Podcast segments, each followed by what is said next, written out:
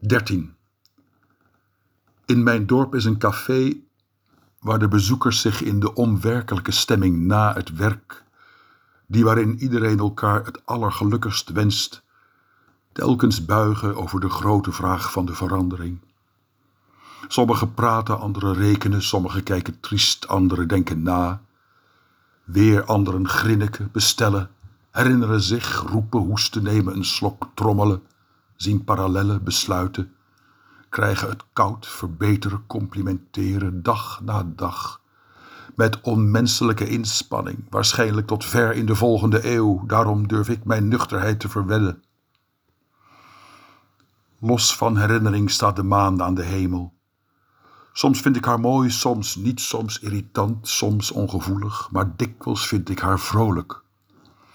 Soms is de maan een maantje, soms zo vaag dat ze een spook is, soms vol als de schittering van de zee. Soms maakt ze onverstaanbare geluiden zoals een wijze doet, soms predikt ze een eenzame logica. Maar nooit is de maan iets anders, op geen enkele manier, behalve in onze fantasie, dan zij die trouw verschijnt. En de grote vraag van de verandering buigt zich over ons.